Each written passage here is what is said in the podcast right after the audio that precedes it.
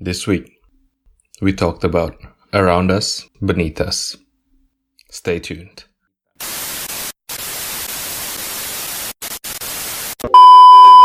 Conversations happen every day, but not every day you can dive in to the deepest issues. Welcome to Podcast Deep In.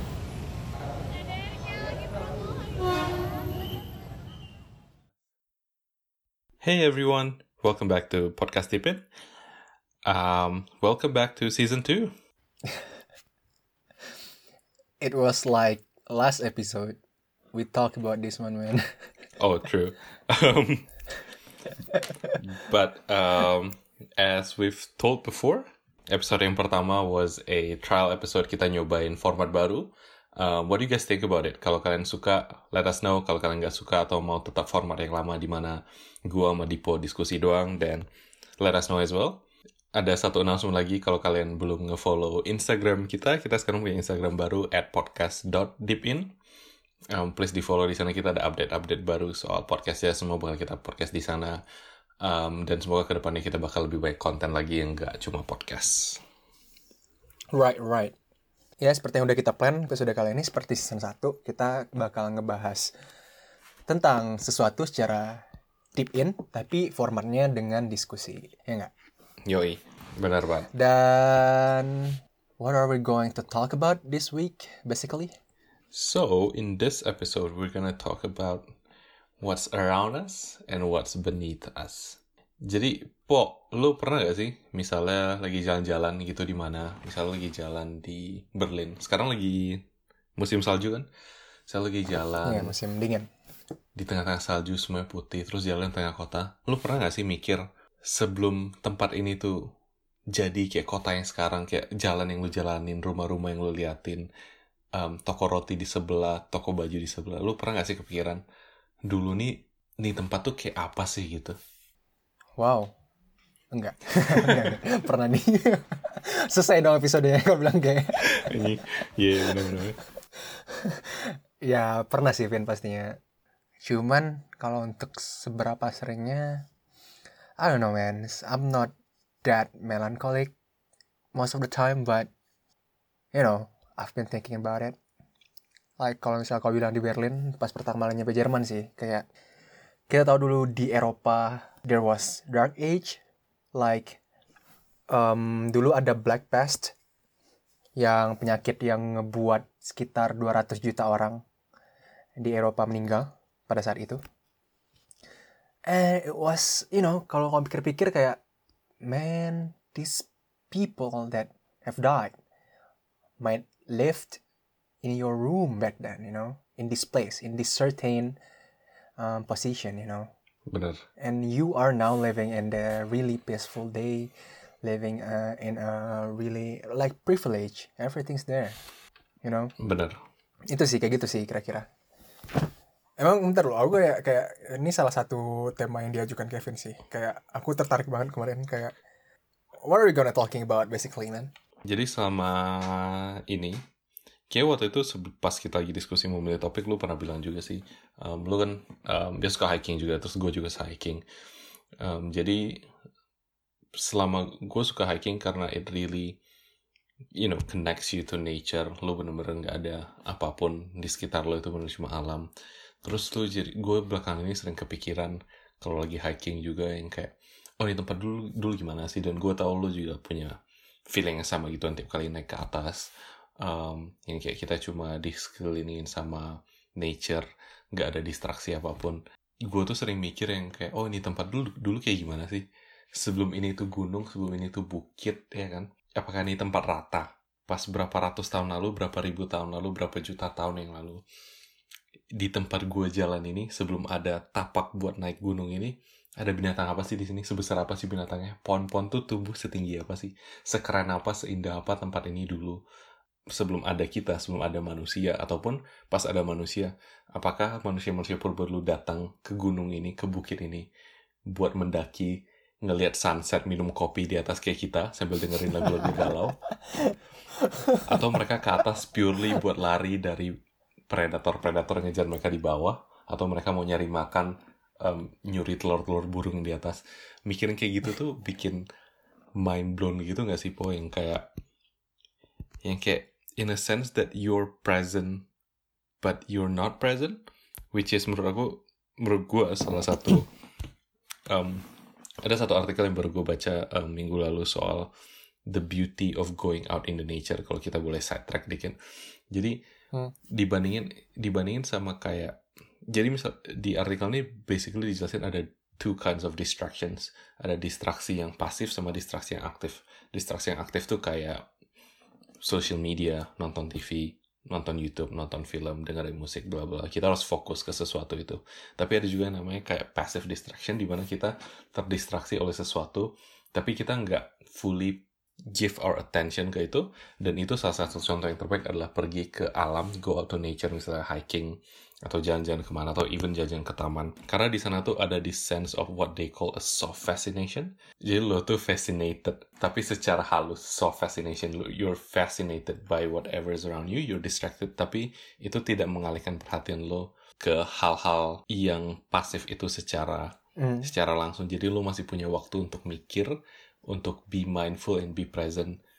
At the time. Ya exactly at the time gitu loh. Benar po benar banget. Mungkin lebih bisa dibilang itu uh, salah satu healthy distraction kali ya. kayak kalau misalnya kau sadar sih kayak orang zaman sekarang uh, ini saya track lagi. Kita saya track banyak banget. Kalau zaman sekarang kayak um, you know sekarang di asrama mahasiswa aku internet mati. Lagi mati. Karena ada satu dan lain hal. What I realize is that you can do so much thing man. Like if there's no internet. Like in this whole week alone I already read books and it's been fun. Dan yang ngebuat salah satu kita nggak bisa ngerjain banyak hal itu adalah distraksi tadi yang unhealthy distraction. Kayak it's it's been proven that um, attention span kita tuh udah sangat berkurang sekarang gitu lah bayangin kita uh, lagi nge-scroll Instagram gitu. Kita nge-scroll Instagram satu post itu adalah post tentang mobil gitu. Terus kita pikiran kita mikir tentang oh ya mobil ini. Mobil ini mobil ini mobil itu gitu loh. Kita uh, dalam mode mobil gitu. Terus kita scroll ke bawah lagi. Tiba-tiba uh, ada post tentang let's say traveling. Kan itu secara nggak langsung pikiran kita langsung ini dong langsung switch dari mobil ke travel gitu lah. Dan that short attention span time ngebuat kita sangat-sangat gimana ya terbiasa dengan hal itu gitu loh. Jadi kita nggak biasa dengan hal-hal yang lama dengan hal-hal yang membutuhkan banyak atensi. Dan di sini rasa aku sih mungkin kau bisa bilang kayak yang healthy distraction kayak going out to the nature make us uh, become becoming what we supposed to be lah gitu. Ngerti gak sih? Ngerti gak sih? Yoi well said. Very, Maksud lo gitu very sih? well said. Cuman ya balik lagi ke tadi sih Pin kalau misalnya balik ke tema tadi of course. Yang paling kerasa sih biasanya kalau misalnya daki sih serius. Kayak yang kau bilang tadi. Kan kalau misalnya dari daki itu kelihatan ya semuanya. Kayak kalau misalnya di Eropa itu aku bisa bilang nggak kayak Indonesia. Jadi Indonesia kalau Indonesia kan kayak em, satu desa biasa kebentang luas gitu kan. Dan biasanya susah nyari horizon line gitu kan. Nah kalau di Jerman itu biasanya eh, mereka punya kayak padang rumput yang luas gitu. Dan biasanya di tengah-tengah padang rumput tuh ada kayak settlement oh. Dan ntar ada jarak berapa berapa kilometer ada settlement. Jarak berapa kilometer ada settlement gitu loh. Jadi kelihatan kayak bulat bulat bulat gitu lucu gitu. Jadi kayak cakep banget ya. lucu. Iya jadi kayak Lucu. gimana ya bisa dibilang bisa dibilang kelihatan lah bedanya batas antara nature dengan settlement tuh kelihatan gitu. Loh ngerti gak sih maksud Iya, aku? iya, I got your point. Kalau di Indonesia kan kayak if you're in city then you are in the city. If you are in the nature Oh. then you are in the nature. You cannot see it's it's it's really hard to find the difference. I mean the the the batas lah aku bisa bilang. The batas, yoi. kayak ya udah gitu kayak Hmm. kalau Indonesia kan kayak city terus pelan pelan pelan pelan pelan lama menjadi desa pelan pelan pelan pelan terus akhirnya jadi nature kan. Gua sini enggak Eh, settlement udah langsung nature gitu loh. Oh. Jadi kalau misalnya kau mendaki, misalnya kau mendaki itu dari atas tuh kelihatan ada bulatan settlement. Emang itu daerah yang buat warga gitu loh. Pasti kau mikir kayak gila ya, wow orang-orang ngebangun ini semua loh gitu. It needs effort and people did that. Dulu gimana sih mereka ngebangunnya? Dulu gimana sih sampai bisa jadi settlement itu Hmm. gitu loh apa dulu cuma ada satu orang terus akhirnya ada yang ngikut segala macam itu aku kepikiran sih Eh yang buat aku pikir sih kayak wow gua di sini kecil banget gitu loh itu sih Exactly. Dan dan punya perasaan itu tuh agak serem tapi agak keren juga gak sih, Po? Mikir, iya, iya bener sih kayak, kayak bahkan cuma dari cerita lo doang, gue gue gue bisa ngerti yang kayak, oh gila bayangin. Exactly. Ada ada misalnya satu petani dia cuma datang, misalnya mungkin dia diusir dari desanya, terus dia datang ke satu kota kecil di Jerman yang mungkin belum kota, itu cuma padang, cuma dia lihat oh padang rumput bagus buat hewan ternaknya di sana. Terus dia mulai bikin rumah. Terus dia ketemu orang lain yang datang ke daerah yang sama. Terus mereka ngobrol. Mereka jadi tetangga. Satu rumah dua rumah tiga rumah empat rumah. Terus mereka jadi satu desa. Kayak kayak justru menurut gue tuh salah satu serunya dari ini tuh ngebayangin what happened there. I mean Yeah. like of course kita tahu dari kayak buku sejarah. Ada misalnya kayak sejarah. Misalnya runtuhnya tembok Berlin ya kan? Gabungnya Jerman Barat sama Jerman Timur. Mungkin dulu kita bisa ngebayangin kayak oh ada dua Jerman yang berbeda. Tapi misalnya sekarang cuma ada satu Jerman and no one is even notice ada kayak dua Jerman dulu. Tapi bahkan dari hal-hal di luar buku sejarah tuh yang tidak pernah tercatat sejarah itu yang bisa kita bayangin yang bisa kita make up the stories yang kayak oh dulu tuh di sini pernah ada ini dulu tuh pernah ada ini ada kayak gini gak ya? Gitu nggak? Itu itu loh yang bikin yang ide ide ini mau aku bahas di um, sama sama sama kau di topik minggu ini karena I seru see aja I gitu. see I see Iya, terus um, kalau dari cerita pribadi gue sih, um, kenapa gue bisa kepikiran ini? It kinda start off pas gue liburan ke Uluru. Uh, what is Uluru sebulan lalu. Uluru tuh kalau yang nggak tahu, Uluru tuh satu batu besar di Australia. Yang cuma itu kayak gundukan yang cuma batu doang. Jadi basically itu kayak gunung, tapi batu besar. Hmm. Um, jadi gue jangan ke sana karena gue pengen banget ngeliat Uluru. Uluru tuh pokoknya cakep banget. Google aja tulisannya U buat Ultraman. L buat Alpen. U lagi buat Ultraman. R buat rice Raisa. U lagi buat Ultraman. Um, ya jadi Uluru. Jadi gue jangan ke sana. Uluru nih jadi basically is a sacred place buat um, orang-orang lokal orang-orang aboriginal di sana. Jadi ini tempat suci. Makanya kalau um, sekarang kalian ngeliat di berita-berita, kalau kalian Google mungkin beritanya sekarang um, Uluru tuh udah nggak boleh didaki lagi. Dulu semua orang selalu ngedaki Uluru, cuma sekarang mereka udah mulai officially ngelarang orang buat ngedaki karena itu tempat suci untuk orang-orang aborigin. Dari dulu sih udah tempat suci, cuma um, kayak ceritanya dulu pas mereka pas um, orang-orang Inggris datang yang kolonial-kolonial datang, mereka mereka ngobrol sama orang aboriginal, mereka cerita oh, ulur ini kayak gimana, Uh, sampai ujungnya kayaknya um, orang aboriginalnya bilang Em, oke kalian mau ngedaki nggak apa-apa ini tempat suci sih tapi kalau bisa jangan. Semenjak itu kayak dari tahun 40 sampai 50-an mereka udah mulai masang tanda di depan yang bilang ke orang yang kayak oh tolong jangan mendaki tolong hormati tempat suci ini. Tapi orang naik anyway. Sampai akhirnya tahun lalu kayaknya baru officially mereka bakal bilang udah nggak boleh ada orang yang ngedaki akhir tahun ini. Akhir tahun ini mulai resmi di ngejalanin um, peraturannya. Bahkan pas pas gue di sana um, dua bulan lalu orang-orang tetap ada yang naik. Biarpun jelas di bawah ada pertanda jangan ngedaki. Ya yeah, but anyway. Karena itu tempat suci gitu karena um, orang-orang original tuh percaya dengan um, cerita-cerita zaman dulu jadi mereka percaya bahwa um, nenek-nenek moyang mereka um, dewa-dewanya mereka itu menciptakan segala di bumi um, termasuk tempat-tempat ini dan termasuk cerita-cerita yang yang berada di sekitar ataupun yang menciptakan um, tempat-tempat suci ini gitu loh. Um, jadi ceritanya Uluru ini diciptakan emang sebagai tempat suci aja. Gue kurang jelas um, detailnya gimana. Cuma emang ini tuh dibangun dan diceritakan. Jadi ada yang namanya Dreamstam. Dreamstam ini basically cerita yang diturun temurunkan dari Jukurpa mereka atau budaya orang aboriginal. Um, jadi di Dreams Time ini, di cerita-cerita zaman dulu yang diturunkan dari nenek moyang ini, emang diceritakan tempat ini suci, kenapa ini suci, dan apa gunanya, gitu loh. Jadi dari dulu sudah dipelihara oleh orang aboriginal. Um, mereka merawat tempat ini. Mereka mm, nggak memuja juga sih, tapi mereka menganggap tempat tempat suci dijaga, dirawat. Karena mereka nggak mau nenek moyang dan roh-roh ataupun dewa-dewa ini marah ke mereka karena tidak menjaganya. Anyway, so a lot, a lot of things happen di sekitar sini kan. Jadi orang-orang aboriginal sampai sekarang juga masih tinggal di daerah itu, biarpun sekarang itu kayak daerah turis pariwisata gitu. Um, jadi bikin aku benar-benar nge Mind blown. mind blown itu. Jadi gue nggak ngedaki out of respect karena kayak gue nggak mau ngedaki aja. Um, jadi pas teman gue sama gue jalan di sekitar itu, um, ada satu tempat emang agak dibatasin. Jadi Uluru ini kan batu gede gitu, batu besar. Di bawahnya tuh ada kayak satu, ada gua-gua gitu kan.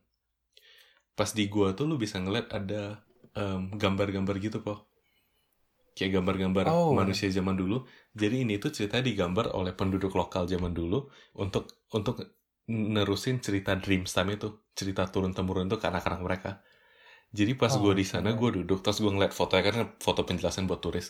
Katanya dulu orang-orang emang sering duduk di sana, di bawah, di bawah kayak di, di dalam guanya, nyalain api unggun, terus cerita ke anak-anaknya soal cerita yang diturun temurun itu gitu loh. Pas di sana tuh gue kayak, Wow. Anjir, terus lu bener-bener bisa ngeliat kayak di atas guanya tuh ada satu bagian yang hitam banget. Gue tuh bisa ngebayangin, oh di sanalah spot api unggunnya, karena cuma api yang bisa bikin daerah itu hitam kan. Terus kalau lu sekitarnya tuh ada banyak banget lukisan, ada lukisan soal mereka kayak percaya ada yang namanya rainbow serpent, eh, ular pelangi yang kayak dewa yang kayak menciptakan langit atau apa. Terus ada juga gambar-gambar em, orang-orang original, gambar-gambar binatang, gambar karena orang original ini kayak culture-nya tuh dekat banget sama binatang binatang-binatang lokal Australia kayak misalnya ular, buaya gitu-gitu. Jadi banyak gambar di sana. Banyak juga em, seni-seni mereka yang bentuknya kayak bulat-bulatan terus ada titik-titik gitu. Hmm. itu indah banget. Terus gue tuh kayak bener bisa ngebayangin ada di sana mereka ada di sana em, duduk ceritain ke anak-anak mereka terus siangnya mereka kayak cuma ngelukis di sana kayak anjir mind blown Wow, goosebumps. iya. I have goosebumps, man. Em, terus habis itu kita lanjut lagi jalan. Terus pas gue ngeliat jalan ini di batu itu ada kayak em, kayak kayak garis-garis gitu warna hitam. Terus pas kita ngobrol-ngobrol sama orang-orang itu katanya tuh dulu itu ada bekas air. Jadi ada air terjun gitu turun dari sana. Dan di bawahnya emang ada kayak satu kawah kayak kolam kecil gitu. Emang tempat tempat mereka nyari air kayak kayak kolam air gitu kayak air terjun lah Hmm. Jadi terus diceritain di sana katanya dulu orang-orang aboriginal yang suka berburu emu atau yang kayak tahu kan emu, emu yang burung kayak burung unta yang nggak punya sayap gitu. Mereka suka berburu di sana karena semua emu itu bakal datang ke sana buat minum air. Terus mereka datang ke sana mereka berburu. Terus ada satu cerita keren apa gue lupa gimana exactnya.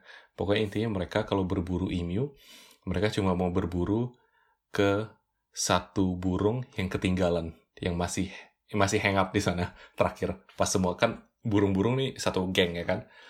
Pas semua gengnya cabut kalau ada satu yang ketinggalan mereka cuma boleh berburu itu doang. Cuma boleh itu aturan yang katanya turun temurun mereka dari cerita-cerita tadi.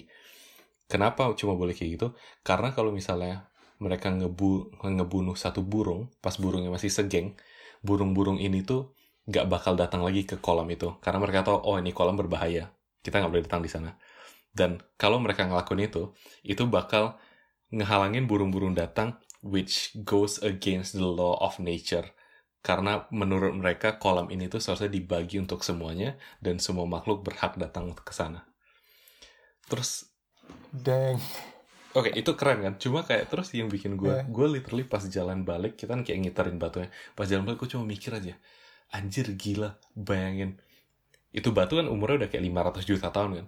Bayangin kayak berapa ribu tahun yang lalu di sini tuh ada satu kolam, terus ada banyak emu, terus ada orang-orang datang sama anaknya berburu, nunggu, terus bayangin lo jalan di jalan yang sama sama ah, di mana semua itu terjadi gitu loh. Itu tuh yang kayak bikin kepala gue kayak push, gitu loh. Wow, wow. Jadi sejak saat itulah um, sekarang di mana-mana, especially kalau gue hiking sih, menurut karena menurut gue yang kayak balik yang kayak kita bilang tadi yang kayak soal, you know, a good kind of distraction, this soft fascination our nature cuma hal-hal kayak gini loh yang bisa bikin lo mikir yang bisa bikin lo Yeah, we are small and exactly we are just a dust in a universe. yes of course so bener Gak tau. Ini ini agak des- agak depressing sih. Maksudnya ini cuma menambahkan doang kayak gue kemarin baru baca tentang you know James Cook. yes You know, dia adalah salah satu explorer dari Brit Britain, dulu Briton, yang memiliki banyak achievement.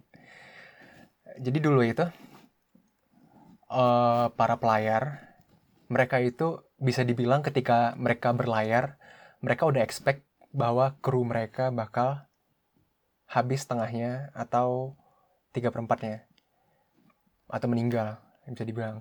Karena dulu itu ada penyakit namanya scurvy aka um, lacks of vitamin C yang ngebuat me- gimana ya limbs mereka tuh nggak bisa digunakan gitu. Eh, tangan kaki mereka tuh nggak bisa digunakan. Terus mereka akhirnya kejang-kejang dan meninggal gitu. Dan James Cook ini bisa dibilang dia salah satu explorer terbesar saat itu Eh, ketika itu udah ada dokter yang bilang kalau misalnya you know if you want to scur- cure sc- scurvy you have to bring um, oranges and fruits. You have to eat much fruits because karena dulu sailor itu makanannya ya antara beef jerky atau kartoffel gitu atau kentang gitu kan itu aja gitu nutrisi mereka kan. Semua orang nggak percaya sama dokter ini kecuali James waktu itu. Ketika dia pergi dari Britain dia eh, nyuruh anak buahnya bawa banyak buah. Dan ketika turun ke di mana pun dia nyuruh anak eh, anak buahnya untuk banyak makan buah gitu. Loh dan dia banyak menemukan penemuan lain kayak misalnya eh, astronomi geografi segala macam. You know salah satu hal yang paling ngebuat aku speechless tadi adalah eh, ini tadi itu cuman pembukaan doang. Yang menemukan Australia adalah James Cook dan menemukan New Zealand adalah James Cook di waktu mereka datang dan setelahnya 90% warga asli Australia musnah. Terus aku mikir tadi, kau bayangin kalau misalnya orang-orang asli eh, Australia tadi Australia tadi melakukan hal-hal aktivitas mereka seperti biasanya gitu loh. Terus datang eh, you know koloni, I don't know, datang orang asing yang tiba-tiba menjajah, tiba-tiba eh, mengambil tanah, tiba-tiba eh, membunuh semua yang telah kau lakukan gitu loh dan membunuh keluarga, membunuh uh, culture segala macam dan batu itu menyaksikan semuanya gitu loh. Batu itu jadi saksi bisu gitu loh. Aku bayangin kayak gila jatuh situ James Cook adalah di zaman sekarang itu adalah hero yang sangat hero banget gitu loh. Nggak ada dia, we don't know when we, when when we found when would we found the the Australia, the the New Zealand, the Pacific things and dia salah satu yang ngebuat eh, kita tahu kalau scurvy itu adalah disebabkan karena eh, kurangnya punya vitamin C dan dia men- menemukan banyak hal lain. Tapi di satu sisi ada satu tempat di bumi ini yang memiliki cerita lain tentang James Cook gitu lah. Dan cerita dan dan nggak tahu ya Vina, kalau misal jadi kau aku kayak wow, I am a spectator all, all this thing, you know, kayak gila gua gua jadi jadi penonton di sini gitu loh Iya anjir. gue kecil banget di sini everything happened there man wah aku tadi goosebumps sih pas denger Nggak, cerita kau sih Sumpah. Kayak, wow Kalian tadi nggak tahu gimana reaksi aku pas Dipo ngomong batu ini menjadi saksi bisu untuk apa yang telah terjadi di Australia. I'm like, bro, gue nggak pernah kepikiran kayak gitu, tapi kayak sekarang I'm like, that makes so much sense. yeah not not only the happiness not only the togetherness also the misery. Yeah. Also how they finish also their death also how they lived. Everything. everything. And you were there. Iya. it's like man. Semua apapun yang terjadi itu, iya kayak itu makanya aku senang hiking karena nggak tahu ya aku ngerasa jadi unimportant thing aja sih. Leb- bukan unimportant person tapi lebih ke thing gitu. Iya, ada What satu yang pernah dibilang sama Neil deGrasse Tyson, I think namanya di Galaxy Point of View atau Galaxy apa ya? Gue lupa, lupa. Pokoknya intinya dia bilang kayak kita kita harus ngelihat diri kita tuh kayak gitu like a dust we're just spectator. Kalau kita tuh nggak penting that we're nothing but also realize that we are something bigger than everything. Do you know what I mean? Kayak kita kita ngeliat diri kita kecil kita harus ngeliat kita tuh insignificant Iya, di galaksi. Karena kita kayak we're we're just a dust kayak kayak kata aku gitu Bo. tapi juga kita harus ngeliat bahwa the fact that kita bisa ngelihat semua galaksi ini means something. Kita kita bisa nge-explore semua gal- kita udah kita kita punya orang di bulan. In like 5 10 years hopefully 50 years kita bakal tinggal di planet lain Iya gak sih? Itu tuh seberapa jadi jadi jangan karena kita ngerasa kita kecil Hmm. kita nggak penting kita tidak pergi lebih besar dari what we're supposed to be, which is you know just a dust in the middle of nothing, trying to act big and like we act like we know it all. Yeah, the thing is, we, we gimana ya, Vin ya? Kayak yang aku bilang di akhir season 1 sih. Kayak, we don't know anything, man. Kita kita selalu berpikiran kayak, maksudnya kita tuh selalu di gimana ya, di cabang sejarah gitu loh. Kita tuh selalu selalu di dalam percabangan sejarah. Kita nggak tahu apakah yang kita lakukan ini bakal obvious di masa depan. Kayak kita mikir di kalau misalnya eh, kita ngelihat sejarah gitu loh. Kalau misalnya misalnya eh, Raja Henry dia kena panah, terus dia meninggal karena gangrene, karena infeksi. Kalau misalnya kita lihat di mata zaman sekarang kan kayak oh ya udah dikasih antibiotik aja gitu. Lah sembuh itu itu cuman hal kecil. Tapi Hmm. zaman dulu kan itu tuh hal yang gak obvious gitu. Sama kayak kita sekarang kita nggak tahu Hmm, apa yang obvious di masa depan gitu. Apakah orang di masa depan bakal ngeliat kita sebagai aborigin sebagai hal yang bisa mereka jadikan um, Hmm. take away? Atau kita cuman jadi hal yang bahan tertawaan gitu? Kita nggak tahu gitu. Kita nggak tahu apakah teknologi sekarang bakal uh, teknologi ataukah apa yang kita lakukan sekarang bakal Iya. signifikan di masa depan gitu loh sebenarnya mungkin itu sih sebenarnya apa yang ngebuat kau ngebuat apa sih gimana ya bilangnya hal yang bisa kau dapatkan dari mikirin Exactly. where we're standing right now. What is beneath Hmm. what is beneath your feet? The soil, what's around you. Mungkin itu sih lebih tepatnya ya, Setuju. kalau bisa dibilang. Kayak kalau misalnya yang aku cerita sih, yang aku kemarin cari tahu sih, eh, yang aku research sih kemarin tentang Berlin sih. Balik lagi tadi. Eh, like last month, salah satu teman aku, salah satu teman gua. Aduh sorry ya kalau misalnya Maaf, kita belum aku terbiasa gitu. menjadi anak gaul. Ya, Jadi salah satu teman gue itu ngirimin em, video. Di video itu em, diceritain kalau misalnya NASA itu ngambil foto bumi ketika siang hari dan malam hari kan. Like the satellite um, revolves around Earth. And dia mereka tuh ngambil em, selalu ngambil foto. Dan ketika pada malam harinya bumi, kita secara nggak langsung bisa ngelihat sejarah dunia dari dari lampu doang gitu loh dari lampu kayak di Berlin contohnya aku bilang ini aku mau cerita tentang Berlin sampai sekarang kalau misalnya dari luar angkasa Berlin Barat dan Berlin Timur itu warna lampunya masih beda.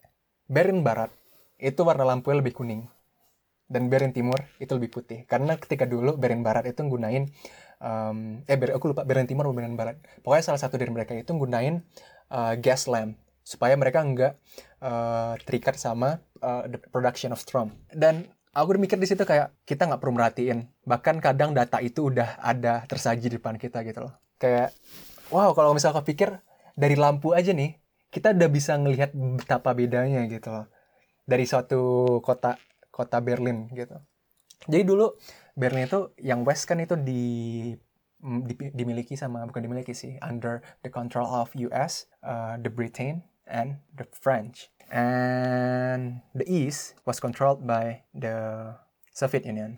Dan dari cerita-ceritanya itu gimana ya? Kalau misalnya kita ke Berlin itu kerasa gitu loh. Kalau misalnya kita ke timur itu gimana bangunannya lebih kumuh, gimana kurang tertata. Dan kalau kita ke barat itu kelihatan banget yang it is for high class people. Paling itu udah tiga dekade lalu gitu loh. Seperti hal itulah kayak sometimes if you look around it explains many things. Itu sih. Kayak salah satu lagi yang aku tahu adalah di kotaku. Kota aku namanya Gisen. Jadi di kota aku ada satu jalan panjang di depan kampus aku. Dan di situ dulu adalah uh, tempat take off-nya pesawat. Dan sampai sekarang juga masih ada bangunan old masih ada bandara lama gitu loh yang udah pakai. Dan kalau dipikir-pikir kayak wow sekarang mereka gunain itu untuk bus untuk jalan. Dan ketika dulu ini adalah tempat di mana dimulainya pemboman di kota-kota lain gitu. Wow kayak shit man. I don't know Iya, yeah, iya. If you think about it, it's it's really weird, man. I don't know. Serem sih sebenarnya kalau kita mikir kayak gitu.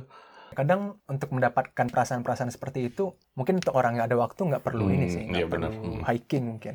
Ya, yeah, just just look around. Just search for for what True. happened there. It's always benar. interesting, man. Semua tempat tuh punya cerita dan semua bangunan, setiap setiap batu bata, semua batu-batu kecil setiap kabel, semua tanaman itu tuh saksi bisu yang kayak melihat apa pun yang terjadi di sana. Iya. Mungkin yang paling interesting sih ya kayak aku bilang hmm. pertama ya, kayak kita juga bahas ya. You know, you are sleeping right now in a bed in your room. Dulu 100 tahun lalu, 50 tahun lalu, rumah lu tuh apa gitu kan kalau misalnya sekolah gitu di SD kan kalau SD selalu kayak gila nih sekolah dulu bekas rumah sakit loh. Iya anjir. Semua semua SD semua sekolah tuh rumah sakit kuburan hutan. Iya antara itu. Ya tapi kalau misalnya kita cari tahu benar-benar mungkin kita dapetin cerita hmm. suatu hal yang menarik gitu. Dan kenapa you know Apakah things are the way iya. they are ya kan? Iya. kayak misalnya di SMA kita dulu pak kita kita kita kita lu satu SMA namanya di SMA Negeri 8 Pekanbaru. Itu kenapa kita bisa ketemu. Um, kepikiran nggak sih po ada itu kan juga ceritanya panjang banget kan. SMA 8 kan udah dari tahun 40-an apa 50-an Iya terus kan di sana juga kayak banyak cerita-cerita mistis dan non mistis tentang tentang sejarahnya. Karena karena itu tempat udah segitu tuanya gitu kan. Dulu tuh kayak sekarang dengerin apa yang lo bilang tadi gue sekarang berharap yang kayak kalau misalnya gue balik ke sana mungkin gue bakal coba ngeliat bakal cari tahu. apa sih yang ada di sini kayak 50 tahun lalu. Tapi nggak cuma itu pas gue jalan di sana juga pasti gue bakal ngenang dulu yang kayak oh dulu gue sama Dipo pernah teriak-teriakan lempar kartu Yu-Gi-Oh dari tempat A ke tempat B gitu loh. Iya itu di itu yang gue pengen bilang sumpah. Kayak ada there's always exactly so much there's more. always a story somewhere. kayak ada there's so many bener there's always different POVs man. There's always different point of views. Kayak yang cerita James Cook tadi kayak ada dari uh, dari dari apa namanya? Sudut pandang orang Britain orang British orang UK ada di sudut pandang orang hmm. Aborigine gitu. It's it's really interesting. Kayak cerita kau tahu ini nggak cerita um, gimana Aztec dulu di akuisisi sama Spain? Yang suku Inca apa Aztec? Aztec Ya? Enggak, kenapa? Jadi dulu ada orang namanya Hernan Cortes kalau nggak salah. Hmm. Hernan Cortes. Uh, jadi dia adalah explorer kayak James Cook, tapi dia tuh dia tuh explore sendiri gitu loh, nggak dari pemerintah. Karena waktu itu kan um, orang Itali kan waktu itu Columbus kayak nemuin apa baru kan Asia Timur pakai kutip yang dia nggak tahu kalau itu adalah Amerika dan dan orang Italia waktu itu namanya Amerigo aku lupa namanya apa Amerigo atau apa bilang kalau enggak itu enggak Asia Timur itu enggak Jepang. Itu tuh adalah um, daratan baru gitu loh. Makanya namanya Amerika. Nah pada saat itu tuh orang-orang di Eropa tuh berlomba-lomba untuk menuhin uh, peta. Salah satunya adalah Hernan Cortes. Dan ketika itu Hernan Cortes dia udah tiba di Tasmania. Tasmania? Aku lupa. Tasmania? Iya Tasmania. Dan um, pada saat itu dia udah membantai orang di Tasmania, udah mengakuisisi Tasmania. Ketika nyampe di Aztec, Aztec itu pin dulu salah satu kingdom terbesar di Amerika Latin. Di dunia even. Iya, yeah. you know, kalau misalnya kau orang Aztec, kau bakal mikir kayak apa sih yang nggak bisa kita lakuin gitu. We are the biggest. Hmm. I mean kayak kita udah adalah kita adalah um, kingdom yang berisi jutaan orang gitu loh. Dan itu tuh sangat besar banget dulu kan. You know, but they didn't try to explore the outside world. They didn't even know that Inca exists. Jadi Aztec dan Inca itu uh, kayak bersebelahan tapi agak masih ada jarak. Tapi mereka nggak hmm. tahu kalau mereka tuh sama-sama ada di saat yang bersamaan gitu loh. Oh iya. Iya mereka nggak tahu. Dan pada saat itu si Hernan Cortés datang kan. Dia cuma bawa sekitar 150 orang.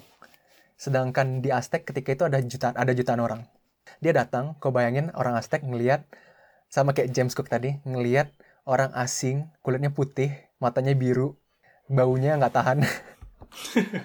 Tapi seriously, kayak dulu Aztec, jadi ceritanya tuh di Aztec, mereka tuh bahkan ketika mau nge-escort si orang-orang Spanyol saat itu mereka harus ngebawa kayak bakar apa sih ngebakar menyan gitu loh Oh, biar baunya ketutup. iya jadi dulu si Hernan Cortesnya mikir kalau misalnya itu tuh karena mereka adalah eh, dikira tamu penting padahal sebenarnya karena orang Aztec nggak kuat sama baunya dan Oke. ha.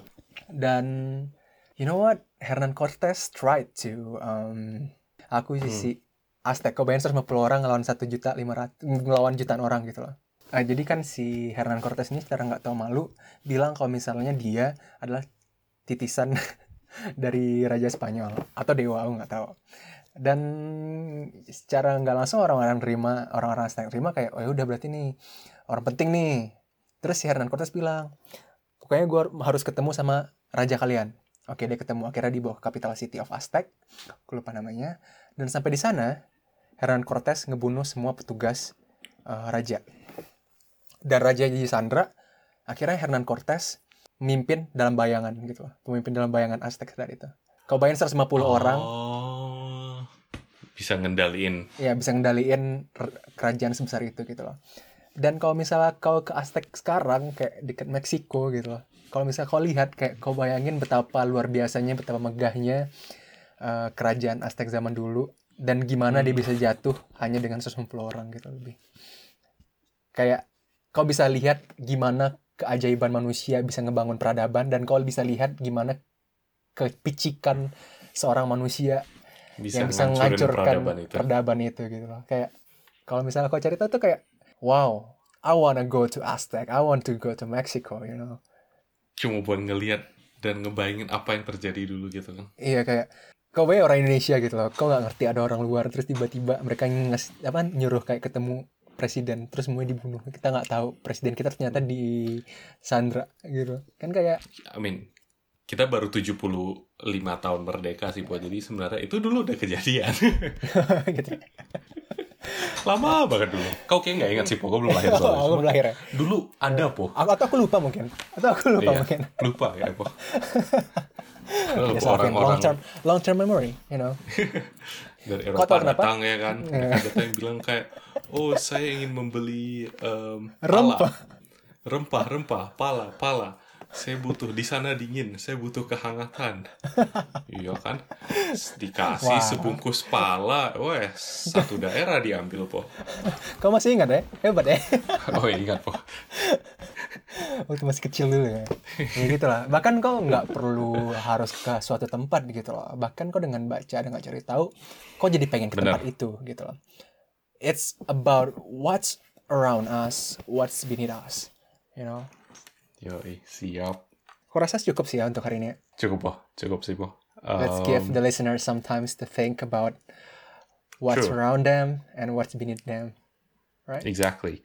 Um, benar kata Dipo, kalau kalian bisa pergilah ke tempat-tempat yang kalian mau pergi, um, lihat tempat-tempat yang penuh sejarah. Tapi kalau nggak juga bisa ingat yang kata Dipo tadi, just di sekeliling lo aja pasti banyak banget hal-hal menarik yang terjadi.